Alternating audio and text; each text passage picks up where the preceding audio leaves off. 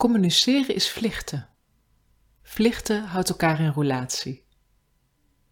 Kom, municeren. Soms wil dat nog wel eens moeilijk lukken. Dan zeg ik weer eens iets tegen je halfoor, als jouw fluitketel begint te fluiten. Drukt zich dat ook uit? Niet altijd naar behoren. Woorden worden wel eens ontluisterd. Veroorzaak je dan vooral niet verzaak?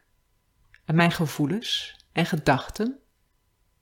Want mocht je ooit eens luisteren naar jezelf, je oren zouden er ook van gaan tuiten.